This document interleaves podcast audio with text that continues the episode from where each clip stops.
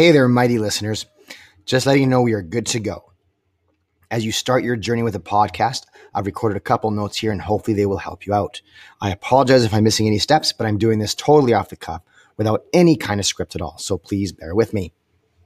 First things first, when you turn on your MacBook, a few things to remember is that you should have your Yeti microphone plugged in to the USB jack that's on the right hand side. I'll repeat this later on. I'm just doing this after I already recorded that one segment. Also, this does not work when you're using the Safari browser.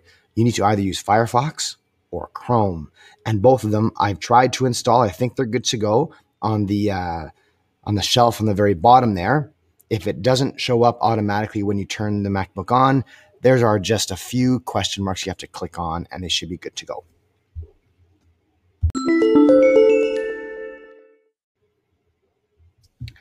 Hey, everybody. So I got the Yeti microphone to work. And right now I'm using the MacBook to record it using Anchor.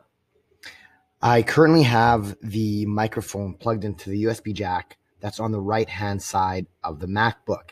I think it has a higher uh, rating, which tells me it can handle the juice. So I have it plugged in before I even turn the device on. And as I'm looking at it right now, I can see that there's a steady red light, which means it is in fact recording. If the light was flashing red, that means it's on mute and I'm not recording jack squat. So, as I'm recording this, hopefully that's enough information for you to go on. I do find that once you hit stop and you want to hear your recording, you do have to unplug the microphone from the USB ports in order to hear yourself. If you don't, you can't. So please remember this really important task.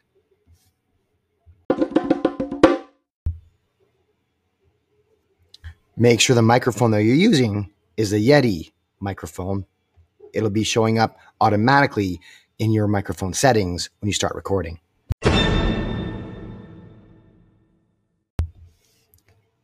I'm recording a few segments right now, and it looks like it's fairly easy to use. I can record multiple segments if I want, and I can drag them over into my episode and arrange them in any particular order I want. From there, I can save the episode or delete any segments that I want. So there is an editing feature in here. I may have to just either press pause if I don't like it or simply get rid of it and record it again. So sometimes it might be best to record them in smaller segments versus recording an entire five or 10 minute segment. By the way, by now I think you've noticed that I've put in some transitions. Quicker ones I think are best, but it's up to you, I guess, when it comes to your own recording.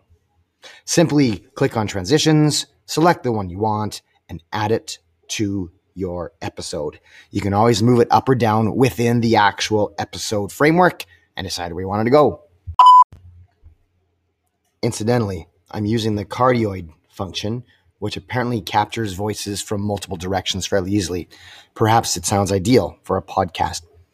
Once I record my own recording, it saves it in the queue. And all I need to do from there is to add it by clicking on that plus symbol and add it to my episode playlist. And from there, I can arrange them in the particular order I want. Another suggestion would be to edit the name of your segments. That way, instead of it saying March 13th, 2018, recorded one minute ago, you may actually want to call it Interview Section Part 2 or uh, Book Talk or whatever you want to call it just to give yourself a little bit more uh, clarity when you're trying to edit your pieces together. And from here, I'm almost done, I think. You can preview your episode at the very bottom there and listen to it to make sure everything's okay, and then all of your segments in the right order with the proper transitions. When you're done, you can save the episode, and it should show up in your home settings under new episodes or under your channel. I'm going to try that right now. My goal is to send this to you and have you be able to play it and hopefully give you some clarity on the instructions. Good luck. Thanks. Bye.